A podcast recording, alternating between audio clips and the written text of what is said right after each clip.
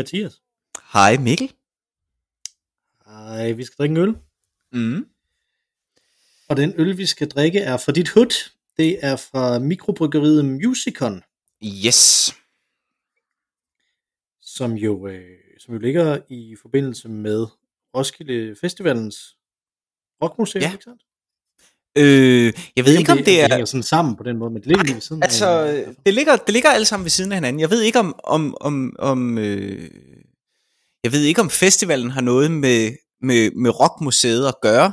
Øh, Ragnarok. Øh, men det Nej, ligger kan godt et det sted, ikke sådan formelt har det. Ja, det, det tror jeg ikke, men det ligger jo altså et sted lidt uden for Roskilde, øh, ude der, hvor festivalen også er. Øh, og der ligger så også det her øh, gamle område, som nu er så blevet renoveret lidt, øh, som hedder Musikon, øh, som er øh, for alle mulige øh, øh, kreative sjæle øh, i, i Roskilde by, kan komme derud. Der er noget kontorfællesskab, der er alt muligt. Øh, Roskilde, ligesom med festivalen jo, er sådan en græsrods ting. Øh, gale mennesker øh, køber en mark og laver en festival der, der ender med at blive en kæmpe, kæmpe stor festival. Sådan er det med al kultur i Roskilde, det skal komme fra bunden. Øh, og der har man så altså også skabt det her område, som ligner sådan et gammelt militært område, og der ligger så et mikrobryggeri, der hedder, ligesom stedet derude, Musikon. Øh, og de har så lavet en øl. Og det er den, vi skal drikke. Lige præcis. De har lavet mere end en øl nok, øh, men vi har, vi har har en de. af dem her til Ja. stede i dag. Øh, og, og, ligger den ikke der også øh, Roskilde Festivals højskole? Tror jeg ligger derude. Øh, det kan Jeg jeg sagtens være. højt. Ja, sagtens. Altså, Måske. Jeg, jeg, kan, jeg har det sådan lidt med Roskilde Festivals højskole. Jeg ved intet rigtigt om den anden, end at den findes. Øh, og de arbejder med at lave Roskilde Festival. Okay. Øh, og, og man har det sådan lidt, det lyder lidt som om, at forårsholdet er sjovere at være på end efterårsholdet. Det tror jeg. Det kommer tror jeg. direkte på den festival, man har været med Ja. til at planlægge. Ja, Øh, ja. så jeg går ud for, at der er masser at lave om efteråret også. Det er slet Det ikke tror det, men jeg. det Jeg tror, det tror Ja. jeg. Jeg ved det ikke. Altså, jeg troede faktisk bare, det var en slags sommerhøjskole for frivillige, øh, som blev indlogeret, så de kunne arbejde i... Øh, men jeg ved det ikke. Det kan selvfølgelig også være, men altså, der er jo noget Ja. at lave hele året rundt, når man laver en festival af den kaliber. Det er slet ikke det. Det Helt sikkert. meget- Ja, helt sikkert. Ja, Okay. ja øh, men den ligger også der. Det er jeg ret sikker på. Det ligger i øvrigt fuldstændig modsat øh, af Risø, hvis man skulle være interesseret i øh, kernekraft. Ja, og det kan vi faktisk godt være i dag, kan jeg fortælle dig. Okay. Fordi det her, det er jo vores episode 75. Øh, og 75 år, det er faktisk atombryllup, Mm, hvor smukt. blandt andet. Ja. Det har faktisk tre navne, 75 år. Så. Men det er vel også 75 år siden, at den første atombombe øh, bombe sprængtes? Jo, men jeg tror, jeg tror, det hed atombryllup i lang tid før det. Jo, jo ja, ja. det var mere en konstatering. at, at, at 2020 måske netop er det store atom, atomår. Atombryllup, atomår. Mhm. Men øh, Ja, ingen ved det. det, det får vi Ja, se. vi har ikke researchet. Øh, den her øl, som... Nej, det, vi, vi gør det jo lidt alligevel Ja. ja. nu, kan man sige, indimellem. Øh, vi er sikre på, at det hedder Musicon, fordi det kunne også hedde Music On. Øh, jeg, er, jeg bor jo her i byen, øh, og der siger man altså musikon. Ja, lige præcis. Og, det, og man kan høre det på din jysk. Ja, præcis. At du bor i Roskilde og ved præcis, hvordan man udtaler det. præcis, ja. Godt, det her, der står ikke super meget om øllen her, men der står, altså den hedder Exen, mm. øh, og det er et navn, som jeg først øh, opfangede, hvad det betød, da vi, øh, da vi skulle til at starte podcasten mm. nu Mhm. her. Øh, fordi jeg tænkte, at Exen, det er jo sådan lidt, og det er sådan noget øh, musik og sådan noget, Exen, det kunne godt være efternavnet på sådan en eller anden rockmusik, Ja. som, der, som der var med i Kashmir. Eller sådan noget. Ja, faktisk, lige præcis, Øh. ikke? Jeg tænker også, ligesom øh, Jeppe Tuxen, der er organist i øh, Ibrahim Electric, så kunne det godt være, Ja, ja. at være, at gitarristen øh, hed, øh, i Kashmir hed øh, Niklas Exen. Tobias, Ja, ja. Tobias, Tobias Exen. Niklas. Ja, Ja, det er helt ja, sikkert. ja. Det gør det er det så ikke. Nej. Nej. Øh, men der står, altså, og det er som en, det er en ekskæreste, fordi at det, det er en Double India Pale Ale. Der står, at det er en frisk IPA, der ender med humlede noter, ganske som en X. Godt bitter. Oh yes. Og så er der jo et billede af en inturrevet hjerte. Jeg ved ikke, om alle X'er er bitre. Det tror jeg da ikke nødvendigvis. Øh, nej, det kommer vel an på, hvem der slår op. Gør det ikke? Jo, og hvordan det ellers er gået, kan man Ja. ja. sige, ikke? Altså, ja. jeg, tror, det, jeg tror generelt har folk, øh, har folk der rigtig mange ekser, har de ikke? Jeg tror ikke, vi to er repræsenteret. Nej, det kan godt være. Det ved jeg ikke. Øh, men jeg tror også, at denne er baseret på en personlig anekdote, kunne jeg ligesom forestille mig. Det har du Ja. nok ret i. Det har du nok ret i. Og øh, den, der er 44 centiliter i kun, ikke en halv liter. Øh, men til gengæld så er det 7,2 procent.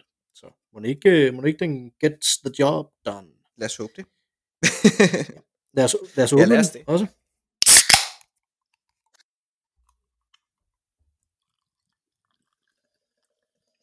Hold da op, den dufter granagtigt, synes jeg næsten. Ja. Øh, den, det er jo en, en meget stærk øh, ale-duft, og, og helt... Øh, altså, det er jo en pale ale, ikke? Men den er jo... Den ligger jo faktisk nærmest øh, hen i brown ale øh, skalaen fagmæssigt. En lys brown ale. Mm. Den er meget flot. Ej, hvis du har skum, så vil jeg virkelig anbefale dig at, at spise lidt af det. Det, øh, det smager rigtig Jamen, ja. Ja, det gjorde jeg nu. Ej, det er, Ja, godt. det er virkelig godt. det er virkelig godt. Nu er jeg jo også øh, så kedelig, at jeg er meget til IPA'er. Jamen, og det her er jo virkelig en interessant IPA, synes jeg. Jeg har jo, må jeg indrømme, jeg har jo smagt den før. Øh, Man kan ikke undgå det i Roskilde. Hvis du sætter dig på en ølbar i Roskilde, øh, så er X'en der som, øh, nærmest som øh, Roskildes øh, el nummer 16, eller sådan noget, ikke? Altså, det er, øh, Mm. det er i, øh, IPA'en over dem alle her i byen. Øh, Ja, okay. Så, og jeg husker den som god, men øh, da det kommer an på en prøve. Jeg smager på druen. Skål. Skål.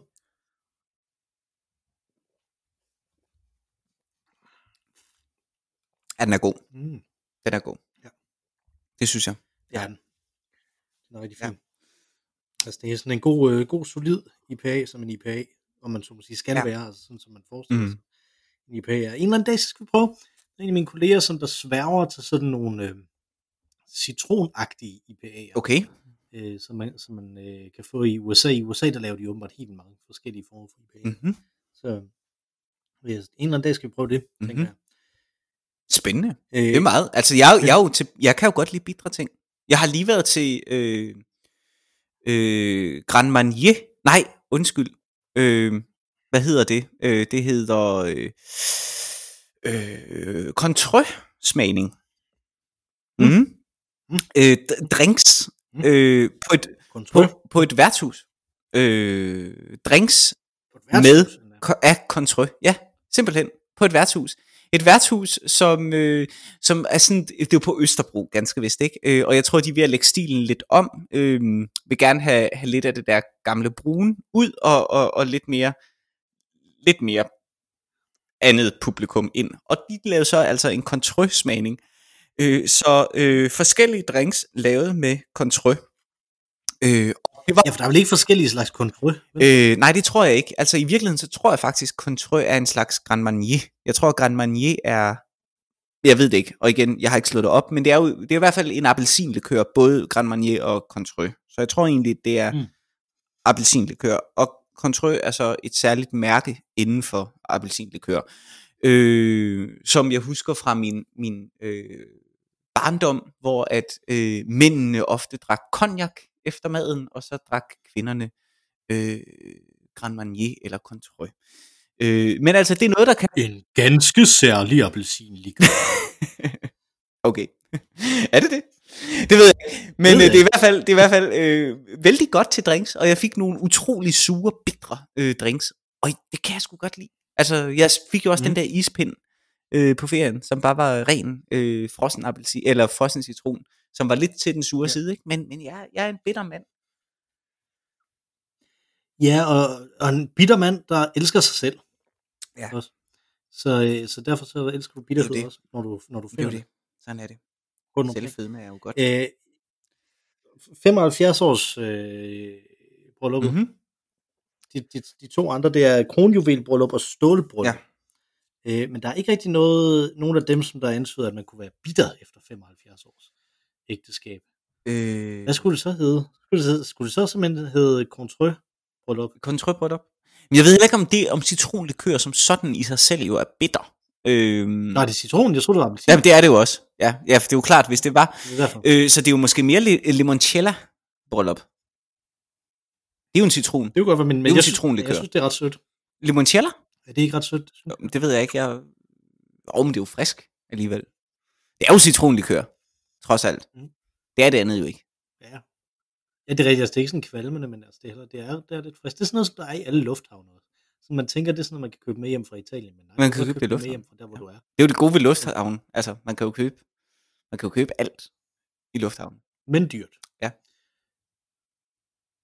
Nå, men hvad, hvad skete der på den her bodega, eller det her værtshus, eller det her øh, øh, hængeud-sted, eller hvad det hedder, når det skal være mere? Øh, ja, det hedder stadig et værtshus, øh, fordi det er. Okay. det er jo der, hvor at, at, altså, det er jo vigtigt at være grounded i, sin, øh, i sit ophav. Øh, men øh, jamen, hvad skete der? Øh, der var tre forskellige øh, slags øh, øh, drinks, øh, som så blev serveret ud igennem aftenen. Øh, og øh, jeg kan ikke engang øh, huske, hvad... Jo, der var en, der hed Fizz. Altså F-I-Z-Z. Fizz. Fizz. Fizz. Fizz. Øh, som man umiddelbart, når man ligesom siger navnet, godt kunne tro var øh, en eller anden form for muserende drink. Øh, men det var det altså ikke. Øh, men der var der var øh, der var noget cit- citronvand og øh, og øh, øh, eller lime eller sådan et eller andet i. Ja, den var virkelig virkelig bitter, men men super super dejlig.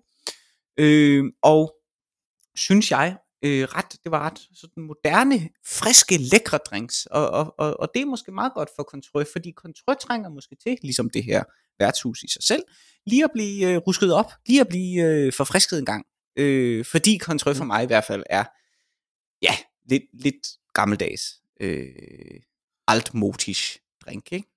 Øh, men det kan omvendt være godt en gang imellem at tage de gamle drinks, og lige smage på dem igen. Øh, for det kan være, de fortjener et liv. Jeg øh, et forlænget liv, jeg- eller et nyt liv. Jeg, jeg kan huske for nogle år siden, der, der, øh, der fik vi jo øh, os to i forbindelse med nytår, tror jeg det var, øh, øh, den gode gamle dags øh, danske øh, flyversjus. Ja. Mm, som jo er snaps og øh, citronvand. Og det er det. Ja, en dansk limoncello. ja, jeg ved ikke, om man kan kalde det likør, når det er snaps med citronvand. Der er det lidt sødt. Altså, det er sådan lidt... altså, jeg vil sige, jeg husker det som om, at, øh, at, øh, at citronvand, det fjernede øh, snapsens øh, øh, spritethed, og, øh, og snapsen fjernede øh, citronvandens citronethed, og det eneste, der stod tilbage, var sådan en, en muserende øh, omgang øh, kommen smag.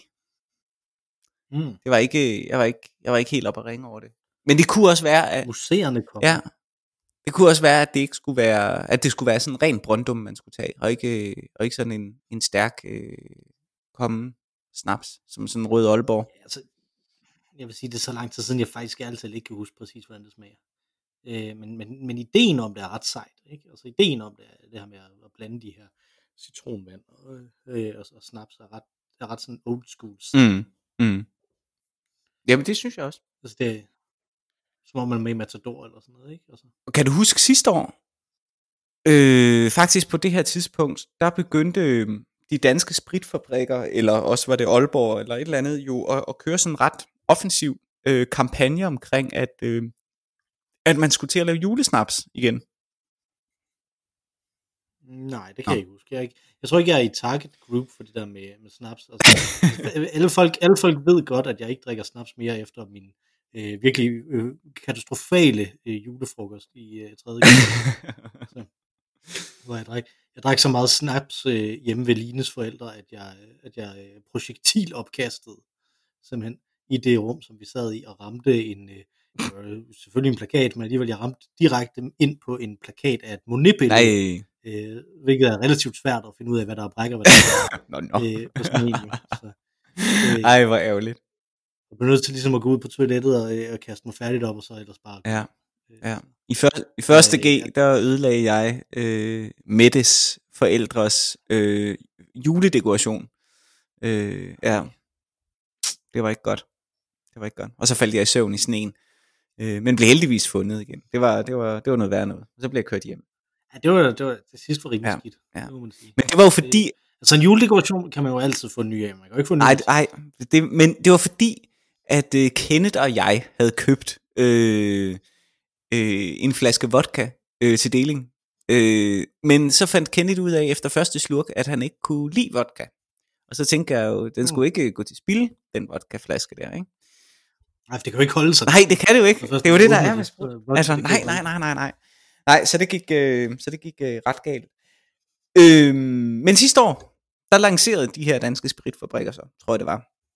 Øh, Og du vil gerne tilbage på Jamen det vil jeg nemlig, fordi, at, øh, fordi det, det nemlig rammer ind i, øh, hvilken dag det er i dag.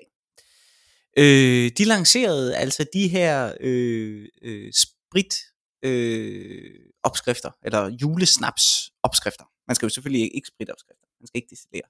Men man kunne så købe den klare Brøndum, og så forsøgte de at gøre julesnaps moderne igen. Der kørte nogle tv-kampagner, og hvis man gik i en kurbutik eller sådan noget, så kunne man også få sådan nogle folder udleveret om særlig gode snapser, noget med anis og sådan noget, ikke? Og, øh, og det synes jeg var vældig morsomt. Min farmor, det ved du, tror jeg, øh, hun laver jo øh, julesnaps, øh, som så vidt jeg ved, mest alt består af kongen af Danmark bolsjer eller tyrkisk peber eller sådan noget, som hun ligesom kværner, og så, så får man sådan en, øh, en lakridssnaps. Men hun har også en appelsinsnaps, øh, som man så kan få øh, hjemme ved hende øh, på hendes fødselsdag, øh, som er juleaftensdag. Øh, så man starter altid øh, julen hjemme hos mig med en lille øh, skid på, og det, det er vældig hyggeligt. Øh, øh, men fordi hun har gjort det, så tænker jeg, det skal jeg da også prøve. Jeg skal jo prøve at lave min egen øh, julesnaps. Og jeg lavede jo så denne her græn. Jeg ved ikke, om jeg har fortalt om det tidligere. Men jeg lavede denne her... Øh, øh, jeg havde ikke... Jeg havde, jeg havde været på Bornholm i november måned sidste år. Øh, og på en restaurant der, øh, så fået deres hjemmelavede øh, fattigmandswhisky. Øh, Mm. Fattigmandswhisky, hvad er det? Er det noget, så bestemt? Jamen, det er simpelthen en, en, en, en dansk, en krigstidsting, øh, som opstod. Øh, meget, meget smuk øh, ting. Øh, man fandt ud af, okay, vi har ikke råd til øh, dyre ting som øh, whisky og den slags, og konjak og den slags.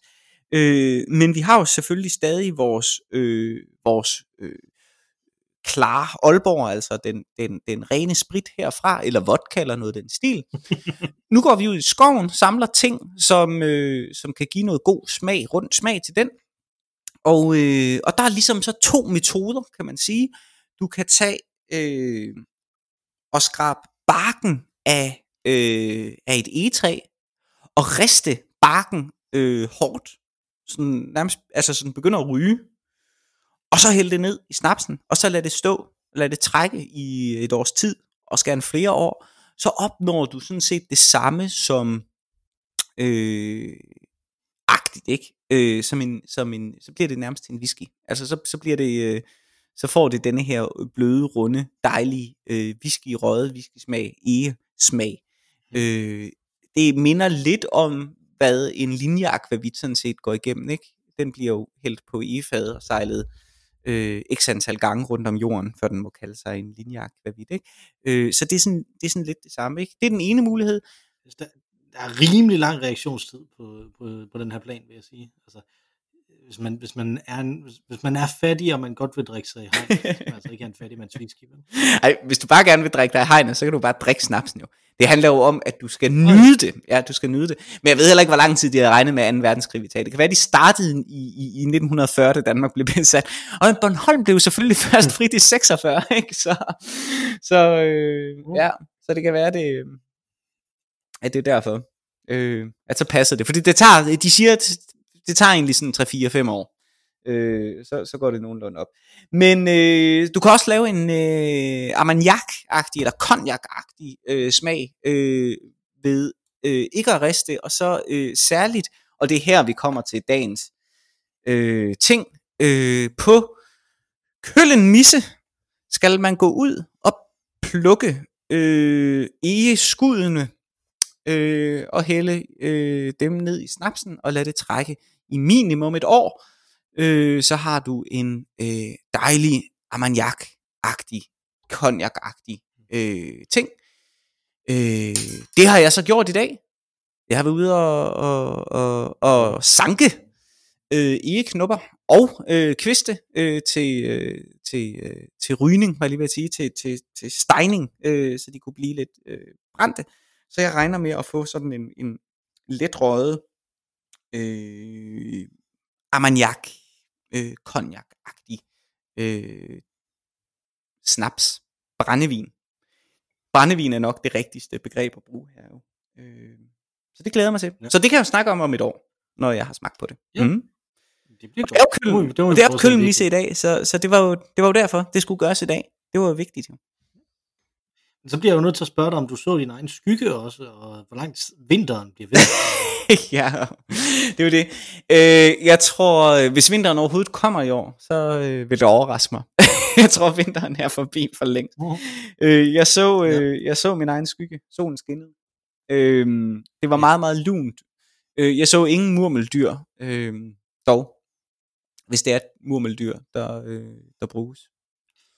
Det mener jeg, hvis nok det er. Øh, ikke, der er en, øh, der er en Super Bowl reklame, tror jeg, med Bill Murray, hvor de har lavet Groundhog Day. Nå, nej, det har jeg ikke set. Øh, hvor, hvor det så er reklamen er for en Jeep. Nå, Fordi at, at med sådan en Jeep, så er der ingen dag, der den så. oh. Så, så han finder sådan en Jeep på et tidspunkt i løbet. ah, hvor dumt. og så siger han, det er bare super godt det her. og så kører han rundt med, med sådan en, med et murmeldyr i den der Jeep. Det er jo en, en, øh, en fremragende film, synes jeg. Jeg synes, den er vældig sjov. det, den er ganske Den er ganske sjov. Øh, der, er mange, der er mange, som siger, at det er den bedste film, de kender nærmest. Og det synes jeg er lidt mærkeligt. Fordi at, at den er sådan god og solid og rigtig fin og sådan noget, men, men det der med, at den sådan er, er sådan verdensklasse vildt god, det øh, har jeg lidt svært ved at se. Men det kan jeg se. Okay. Øh, er det, altså, det er ikke den bedste film med Bill Murray, de kender. Det er den bedste film overhovedet. Nå, Ja, okay, ja, ej, lige det, det forstår jeg så heller ikke. Øh, Heller ikke den bedste Bill Murray film. Nej, det synes jeg heller ikke. Det synes jeg heller ikke. Hvad er det? Hvad er den bedste Bill Murray film? Det er jeg interesseret i. Hvad synes du? Ja, mm, måske Broken Flowers, den synes jeg var ret god, da jeg Ja, så den i hvert fald. Det er mange Ja, år siden, jeg har set den. Jeg tror, Lost in Translation, tror jeg er min. Eller også, øh, Jamen, det kunne nemlig også hvad godt. hedder den? Anti-Anquarius, et eller andet. Øh, Mm. er også vældig god. Jeg kan simpelthen ikke huske, hvad den hedder, men den er ret sjov. Er det The Life Aquatic? Ja, det er det, den hedder. Det er det, den hedder. Ja, ja. Ja. Øh, så har jeg jo lige set Space Jam en masse Mm. mm. sammen med min søn. Det er ikke den bedste Bill Murray film, men Bill Murray er ret god i den. Han er sådan semi-sarkastisk over at være med i den. Det er meget fint. Men det er jo det, han er. Det er jo det, han er. Der er sådan en hel filosofi. Jeg har set noget på, på, på YouTube om... Øh, det er åbenbart sådan en særlig... Ikke bare skuespilteknik, men livsanskuelse, som er særlig for Bill Murray.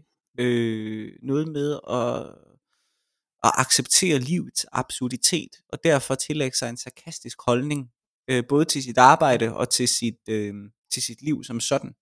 Og det betyder, at han dukker op alle mulige steder. Øh, der er sådan nogle videoer af ham, hvor han pludselig dukker op på folks, øh, på folks, øh, folks bryllupsbilleder, eller øh, hvis de holder en vigtig tale, så går han op og tager mikrofonen ud af hånden på folk. Og sådan noget. Altså, han kommer ind og afbryder, altså som om, han, som om det er sådan en happening. Han kommer ind og afbryder virkelige situationer.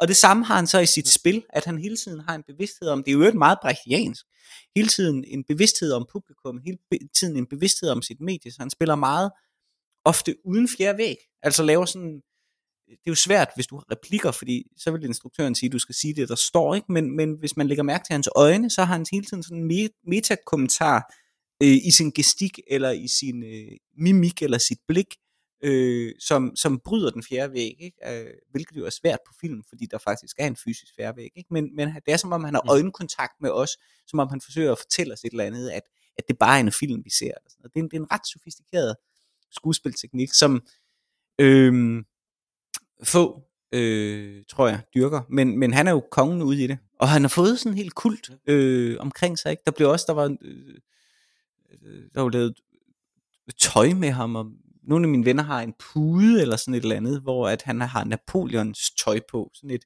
klassisk maleri, Mm. øh, hvor han står og ligner Napoleon, men så bare er Bill Murray. Ikke? Han, han, er, han, er, han er temmelig sjov. Jeg kan vildt godt lide Bill Murray. Ja, det der med et personligt brand og sådan noget. Jeg har, også, jeg har læst, at han ikke har en agent, han har bare en telefonsvarer. Ja. Ja. Ja. Som, og, som han, øh, og som han lytter til et par gange om året, eller sådan noget. Det er meget sjældent, han lytter til den, har jeg hørt. Så han er meget svær. Man skal, man skal ringe til telefonsvaren i vildt god tid for at lave et projekt med ham. Det er meget sjovt. Det sgu, det, det er sgu skægt. Ja. Det, det, det er fedt, at, der, at, at man kan tilkæmpe sig en plads til at få lov til at være sådan. Ja. Også. Ja, og specielt... Ved man kunne det nu? Mm. Mm. Altså, nu er der jo meget mere algoritme og meget mere, at man skal passe ind i, uh, i sådan og sådan, for på nogen måde at blive opmærksom på, at, at man findes, ikke? Altså, Ja, mm, ja det, er jo, og det er jo svært at sige. Øh, fordi, i hvert fald hvis det handler om film, så tager det også noget tid, før man kan tillægge, øh, tillade sig at tillægge den på den måde en person. Ikke? Jeg tror, det seneste eksempel, øh, som jeg lige kan komme på, er sådan en, en spiller som Joaquin Phoenix, som jo havde det her vanvittige projekt på et tidspunkt, da han lavede det vel i virkeligheden ved at være 10 års tid siden, ikke? Den her film, der hed, øh, hed den, nej, den hed ikke I'm Not There, det er, øh, Nej, det er en Bob Dylan. Dylan film, øh, Ja. men den hed noget lignende, øh, som var en film om, en dokumentarfilm om Joaquin, hvordan Joaquin Phoenix gik i hundene, og forsøgte at svine Hollywood til, og så finder man så ud af, at det hele bare var et stunt. Altså han havde, det faktisk ikke var en dokumentarfilm, han havde lavet som om, i gennem to år, at han var gået i hundene, og havde været inde i David Letterman, og David Letterman havde spurgt ham om, hvordan det var at gå i hundene og sådan noget. Øh, meget, meget fascinerende. Meget sådan, øh, ja, total kunstværk-agtigt, ikke? Øh, Mm. Så er der dem der, som bare er sindssyge, sådan en som øh, Shirley Bøf, for eksempel, som måske også har øh, Ja. den øh, ekscentricitet, men, men hvor jeg ikke tror, at det er gedin kunstværk, han ligesom har gang i, men, men måske mere bare en eller anden slags forstyrrelse øh, af, mit, af min fordom. Øh, det virker lidt til, at, øh, at øh, hvad hedder hun, øh, Gwyneth Paltrow er på vej ned af, af samme sidespor, men, øh, men øh, det er jo også bare, hvad man læser i ubladet, hvad det vil sige. Jeg skal jo Jeg- jeg synes, til var dommer over, hvad, hvordan de egentlig har det, men Altså, der er mange ting, der, der er frygtelige ved Gwyneth Paltrow, men, men jeg synes, at en af de ting, som der virkelig gjorde, at jeg blev sådan lidt uh, endeared i forhold til hende igen, det var, at hun var med i sådan et, uh, i sådan et cooking show på Netflix, som John Favreau, uh, ham der har instrueret Iron Man 1 og 2, Ja. uh, han, uh, og som der også har instrueret The Mandalorian, som går sin sejrsgang. ikke?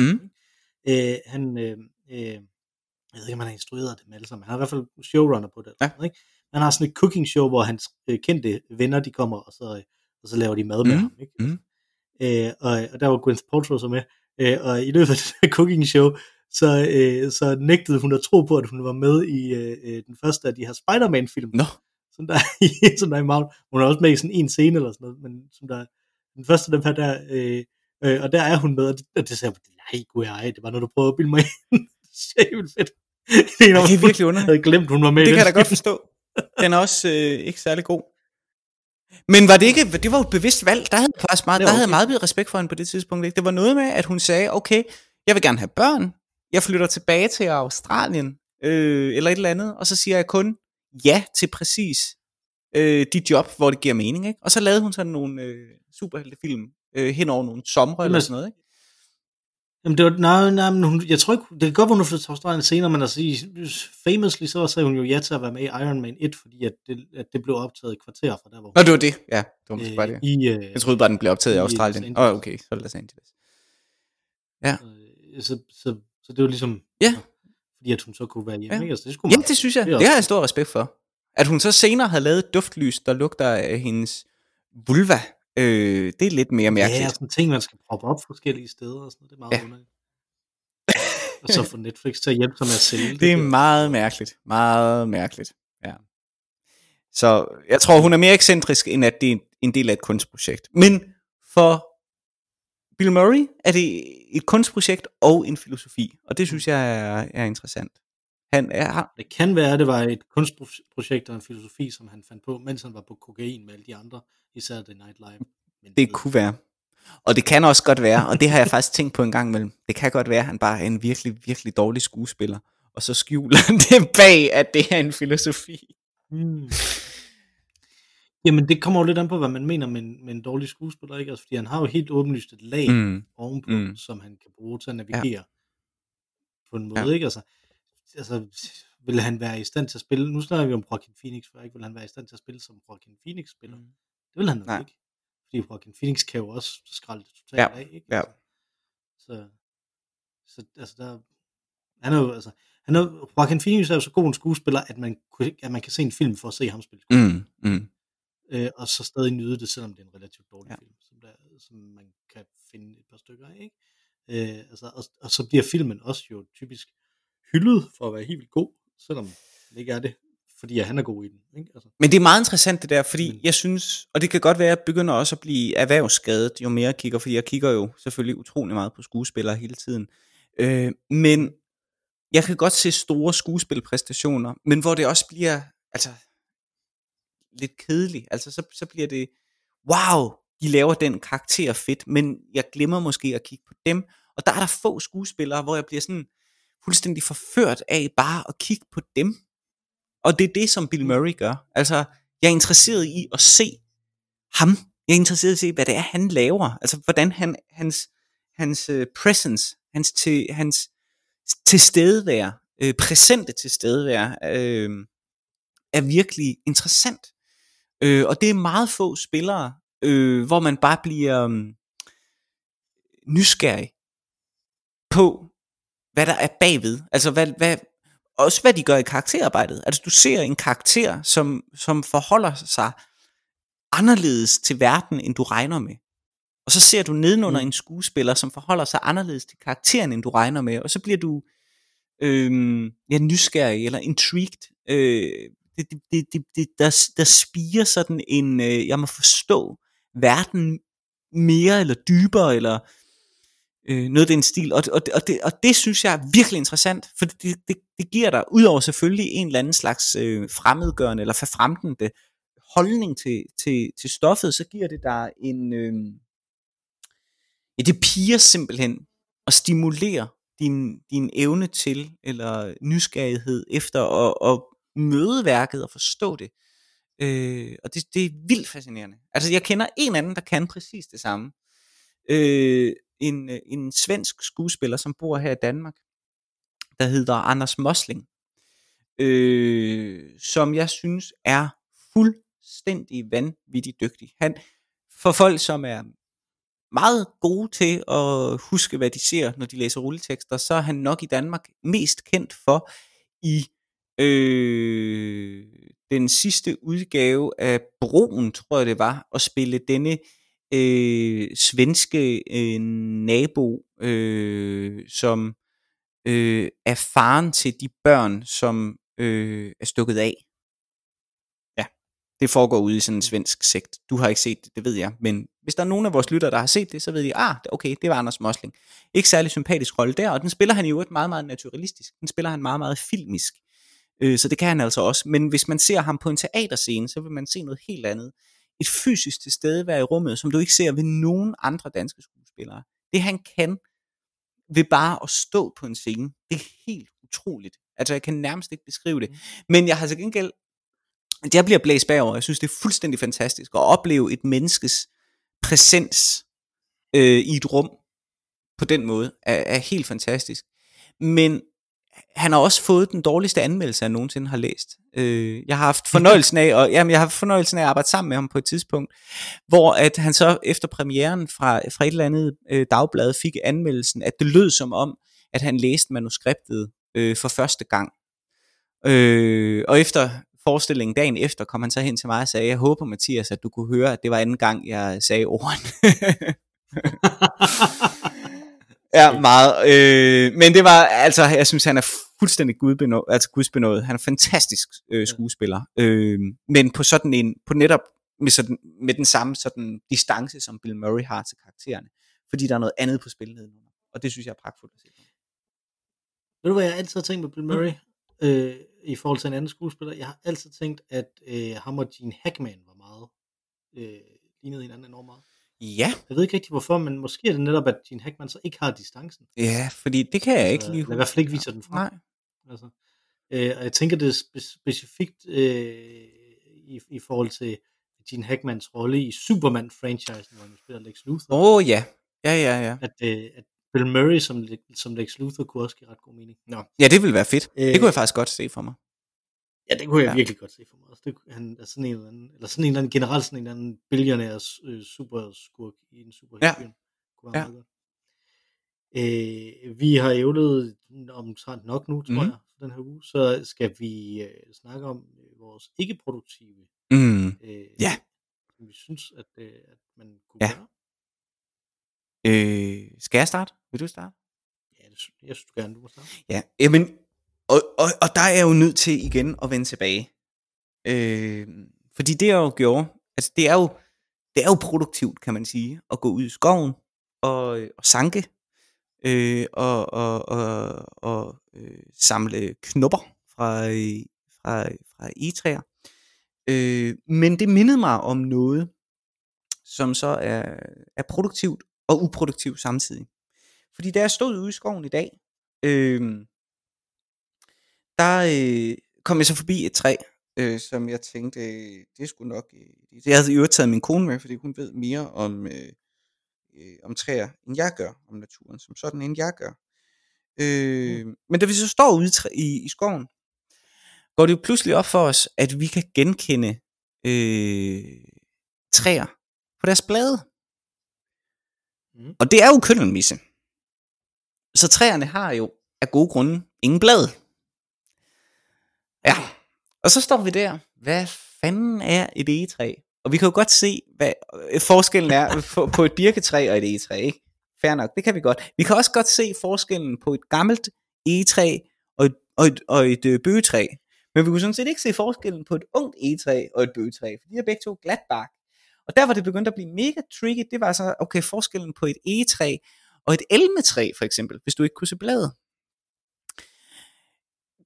Vi kommer så til et øh, træ, som vi er fuldstændig overbeviste om er et, øh, et egetræ, øh, har store, saftige, meget, meget klistrede knopper, øh, som vi begynder at plukke af, og opdager så, at der ligger øh, øh, kastanjeskaller øh, skaller nedenunder. øh, Det er sådan det der, det der sjældne egetræ, der laver. Lige præcis. Øh, der var selvfølgelig ikke skyggen af kastanjer, men der var skallerne tilbage, altså de her øh, små øh, sådan morgenstjerner. Øh,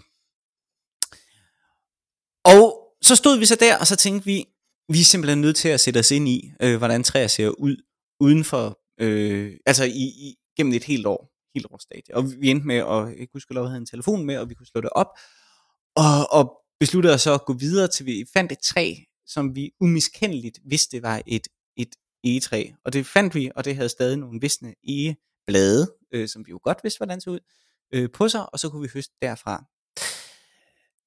Så mit råd, eller det vil min challenge, hvis man kan sige det, øh, til, til denne her uge, fordi det her, det beviste, at man øh, skal øh, ture tillægge sig viden, selvom, selvom du laver noget, som er uproduktivt, så skal du stadig research det. Øh, så, så mit råd her øh, vil være, øh, hvad du nu foreslår, sæt dig lige ned og sæt dig ind i det, inden du øh, går i gang med det, selvom det skal være uproduktivt. Du kan godt lave noget, der er uproduktivt, mm. og så alligevel bare lige sætte dig ind i, øh, hvad det er. Ja. Jeg synes, du tangerer det produktive. Nej, jamen, jamen det er fordi, ja, måske, måske lidt. Det er jo ikke fordi, du skal, det er jo ikke fordi, du skal, øh, det er jo ikke fordi, du skal bruge det til noget. Andet end at undgå at dø, for eksempel, hvis du sanker. Hvis det nu var en giftig svamp, for eksempel. Så, så er det jo, altså selve handlingen bruger du ikke til noget. Men nedenunder handlingen er det godt at have en, en grundviden. Det at sanke bruger du ikke til Mm. noget. Det gør du for sjov. Men nedenunder har du en viden.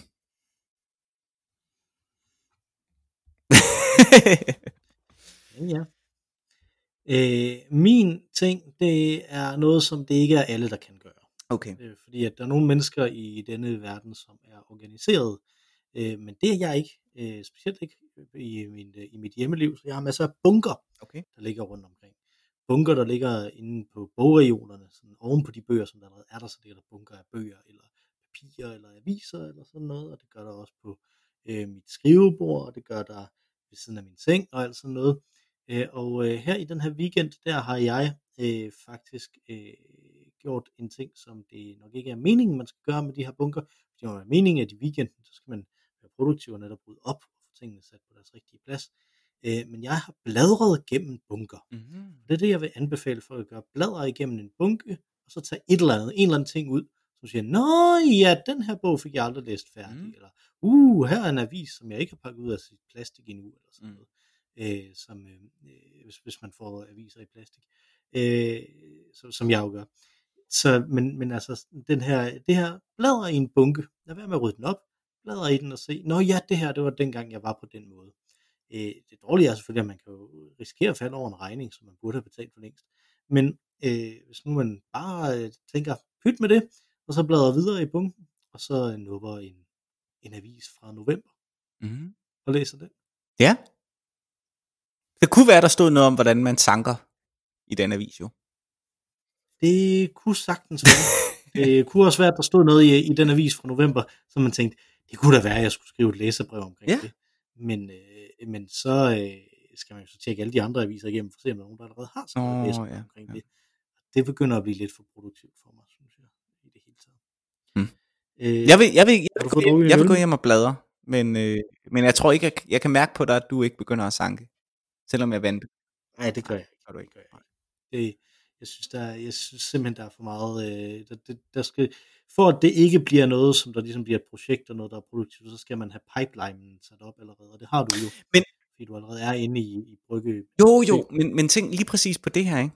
Hvis du går ud i dag, Mm. køllemisse-dagen, og samler nogle knupper, så kan, så kan du potentielt set glemme alt om det. Du kan lade den stå i et år, eller fem år.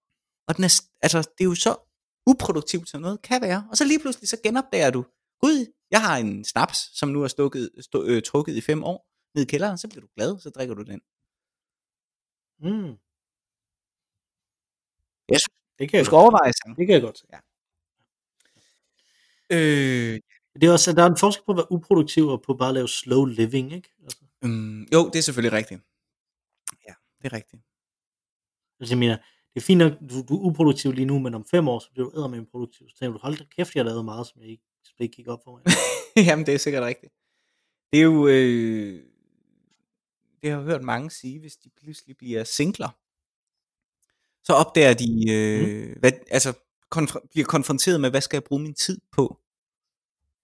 Øh, om aftenen, for eksempel. Ikke? Altså, hvad, hvad skal man lave, når man lige pludselig er øh, mere sammen med sig selv?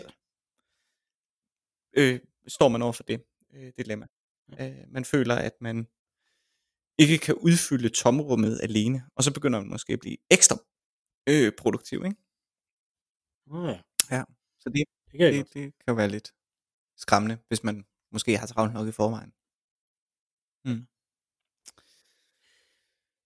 Har du drukket din øl? Øh, det gør jeg nu. Yes, jeg har drukket min. Øh, det, var, det var en succes. Det var en fin, Dejlig øl, ja.